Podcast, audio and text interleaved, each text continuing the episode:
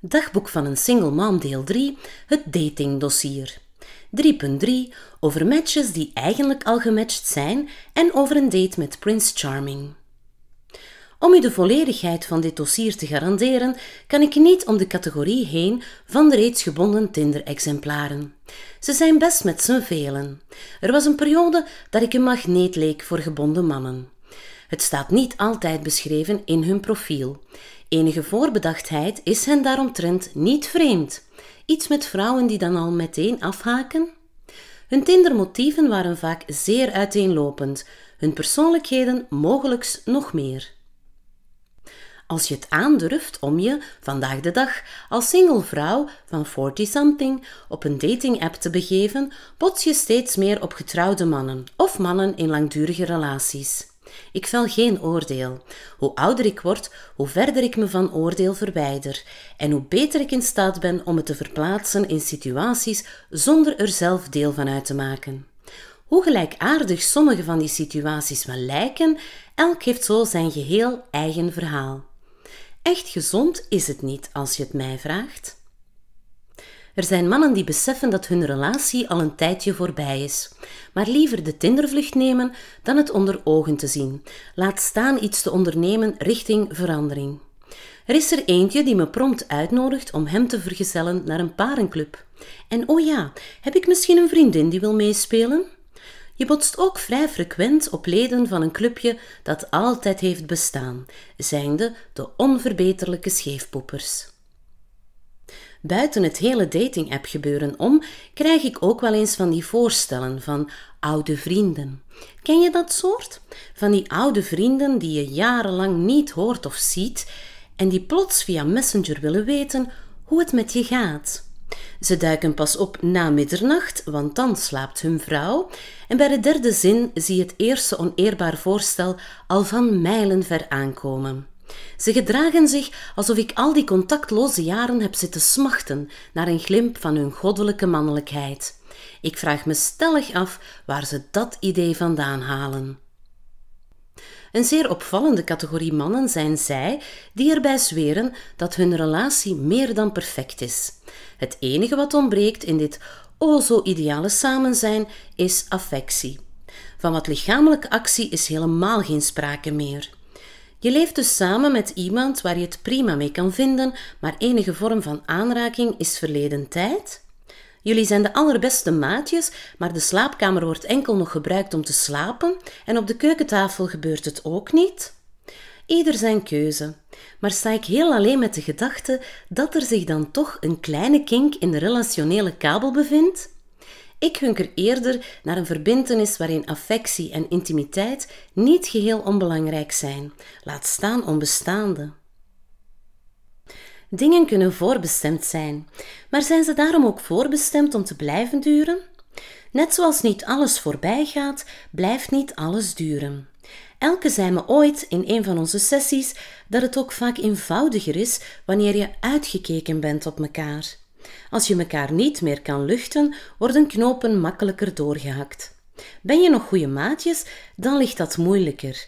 Je wil de ander niet kwetsen. Valt best te begrijpen, maar is dat reden genoeg om de rest van je leven samen te blijven? Ergens siert het hen wel dat ze zich zo nobel verantwoordelijk voelen voor het geluk van de ander. Toch ben je enkel verantwoordelijk voor je eigen geluk. Daarop zich vind ik al uitdaging genoeg. Ik lees ergens dat vier op de tien Belgen niet durven praten met hun partner over hun seksuele verlangens. Dat blijkt uit een iVox-enquête. Hoe langer de relatie duurt, hoe minder ze praten over wat er tussen de lakens gebeurt.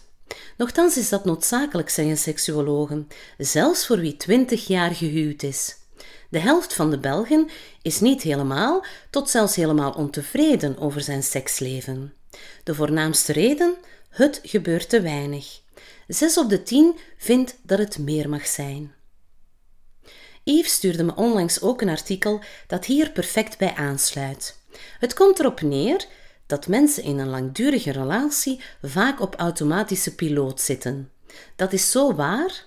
Of het nu om praktische redenen is, uit financiële overwegingen, uit angst, uit gewoonte of voor de kinderen, Mensen doen zichzelf wat aan door ergens in te gaan berusten waar ze niet langer gelukkig zijn. Naar de buitenwereld toe wordt het schouwtoneeltje der perfectie gespeeld. Het klopt wel dat het niet al goud is wat blinkt. De lelijkste schone schijntjes bevinden zich misschien wel naast je deur. Ondanks mijn uitgebreid vermogen tot begrip voor de meest uiteenlopende situaties, vraag ik me af hoe ze het volhouden. Hoe slagen ze erin om zo te blijven leven, vluchten, stilstaan of zelfs achteruit gaan? Ik ben mij ervan bewust dat dit mijn geheel eigen stukje frustratie is. Zelf kan ik er niet meer bij dat mensen zich blijven verschuilen achter allerhande redenen, die allemaal één ding gemeen hebben: ze bevinden zich stuk voor stuk buiten zichzelf. Samen blijven voor de kinderen staat ongetwijfeld in de top 3 der argumenten. Volkomen begrijpelijk, maar geloof me, uit eerste hand, dat je daar je kinderen echt geen plezier mee doet. Je zou er versteld van staan wat kinderen aanvoelen. Zij leven nog naar hun buikgevoel, dus onderschat hen vooral niet. Ze kijken vaak dwars door de toneeltjes heen, maar hoe kunnen ze dat plaatsen? Waar halen ze de ervaring vandaan? Een groot deel van hun ervaringen krijgen ze in de eerste plaats mee van hun omgeving, en dat oefent een invloed uit op de eigen verbindingen die ze aangaan.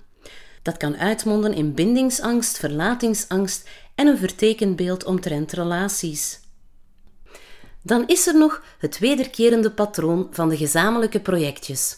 Zo benoem ik ze. Die zogenaamde projectjes zorgen ervoor dat andere beslommeringen eventjes in de koelkast verdwijnen. Hangt er een crisis in de lucht? Dan kopen we toch gewoon een ander huis? Zullen we nog een kind nemen? Wat dacht je van een nieuwe wagen? Dit zijn nogal uitgesproken voorbeelden, maar zo zijn er heel wat projectjes in omloop. Zolang we maar niet moeten stilstaan. Als mensen dreigen uit elkaar te groeien, hebben ze de neiging om zich nog steviger aan elkaar vast te lijmen, maar dan via allerhande praktische zaken. Dat gebeurt vaak onbewust. Bij singles komt het patroon ook voor, maar dat is dan meestal om zichzelf niet tegen te komen. Wat men doet, is de focus constant verleggen. Projectjes dus. Let er maar eens op, je zal het patroon ooit ergens ongetwijfeld herkennen. Uiteraard zijn er ook gescheiden projectjes in omloop, individueel, los van elkaar, waarbij ieder zijn eigen zin doet en zijn eigen weg gaat. Whatever works. In de blogpost over aanpak en een seksistisch varken deelde ik een stuk dat dateert van 13 augustus vorig jaar, waarin ik plechtig aan vriend P beloof dat ik Tinder van mijn gsm af zou gooien. Tenminste, na mijn allerlaatste Tinder-date exact één dag later. Over die date bestaat er uiteraard ook een relaas. Tussen haakjes, ik geef toe dat ik in die periode regelmatig naar de serie Once Upon a Time keek, en dat is er misschien een klein beetje ingeslopen. Ik schenk u het relaas. Over Prince Charming. 14 augustus 2018. Er was een keer een allerlaatste Tinder-date. Ik koester geen verwachtingen, enkel hoop op een leuke date. Dacht ik ooit al tijdens een eerste ontmoeting: dit is de man van mijn leven? Nee, nog nooit. Geen verwachting betekent minder teleurstelling. Dat hebben mijn laatste afspraakje en ik alvast gemeen. Geen verwachtingen. Hij is best aantrekkelijk, voor zover je kan afgaan op foto's. Ik moet aan de lijve ondervinden wat er zoal schuil gaat achter die indringende kijkers. Er is wel meer nodig dan mooie ogen en een charismatische glimlach om mij te betoveren. Het is stipt kwart na één, netjes op tijd op de plaats van afspraak.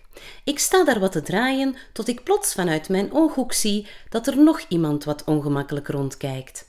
Onze blikken kruisen. Herkenning, begroeting, eerste indruk handsome man, kan ik moeilijk naast. Waar ik vooral benieuwd naar ben? Wat er onder die niet onaantrekkelijke verpakking zit. Een eerste contact is altijd wat onwennig.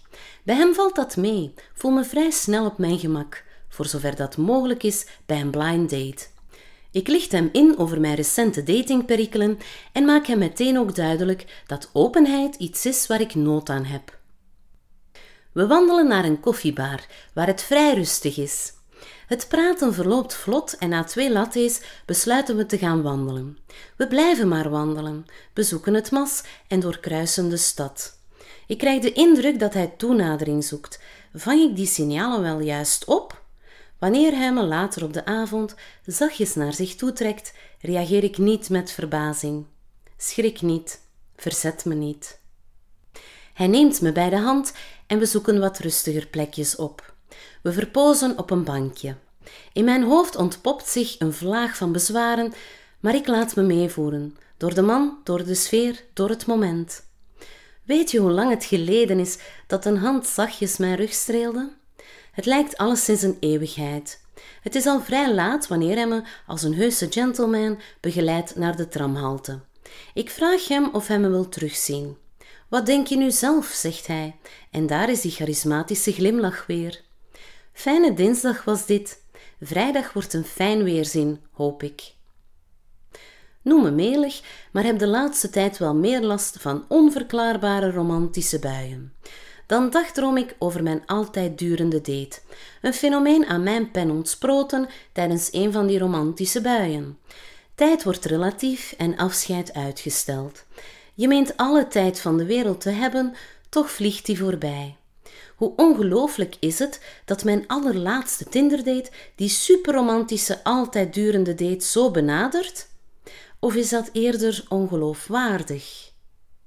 Eens thuis geniet ik nog wat na, tot mijn analytisch denkvermogen verbroedert met mijn buikgevoel. In samenwerking met mijn intuïtie krijg ik een meer nuchtere kijk op de situatie voorgeschoteld. Was dit nu geen schoolvoorbeeld van te mooi om waar te zijn? Is hij niet iets te mooi om waar te zijn? Hij lijkt Prince Charming himself wel, maar ik ben Sneeuwwitje niet. Mijn leven is alleszins geen aaneenschakeling van magische sprookjes. So, what's the catch? Einde fragment. Dit avontuur liet me niet onberoerd, dat geef ik toe, maar het voedde daarnaast gretig mijn inspiratie voor een nieuwe reeks van Secret Letters, Stolen Moments, die perfect aansluiten bij dit relaas. Release van de reeks is voor zeer binnenkort. Blijft fascinerend hoe een pen verwerken kan. Tot slot nog een kleine voetnoot. Het is maar een ideetje, maar zou het niet nuttig zijn om zoiets als de break-up account in het leven te roepen, bij voorkeur te openen bij het samenhokken?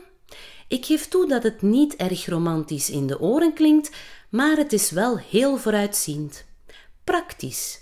En zijn mensen niet bij uitstek de meest praktische wezens?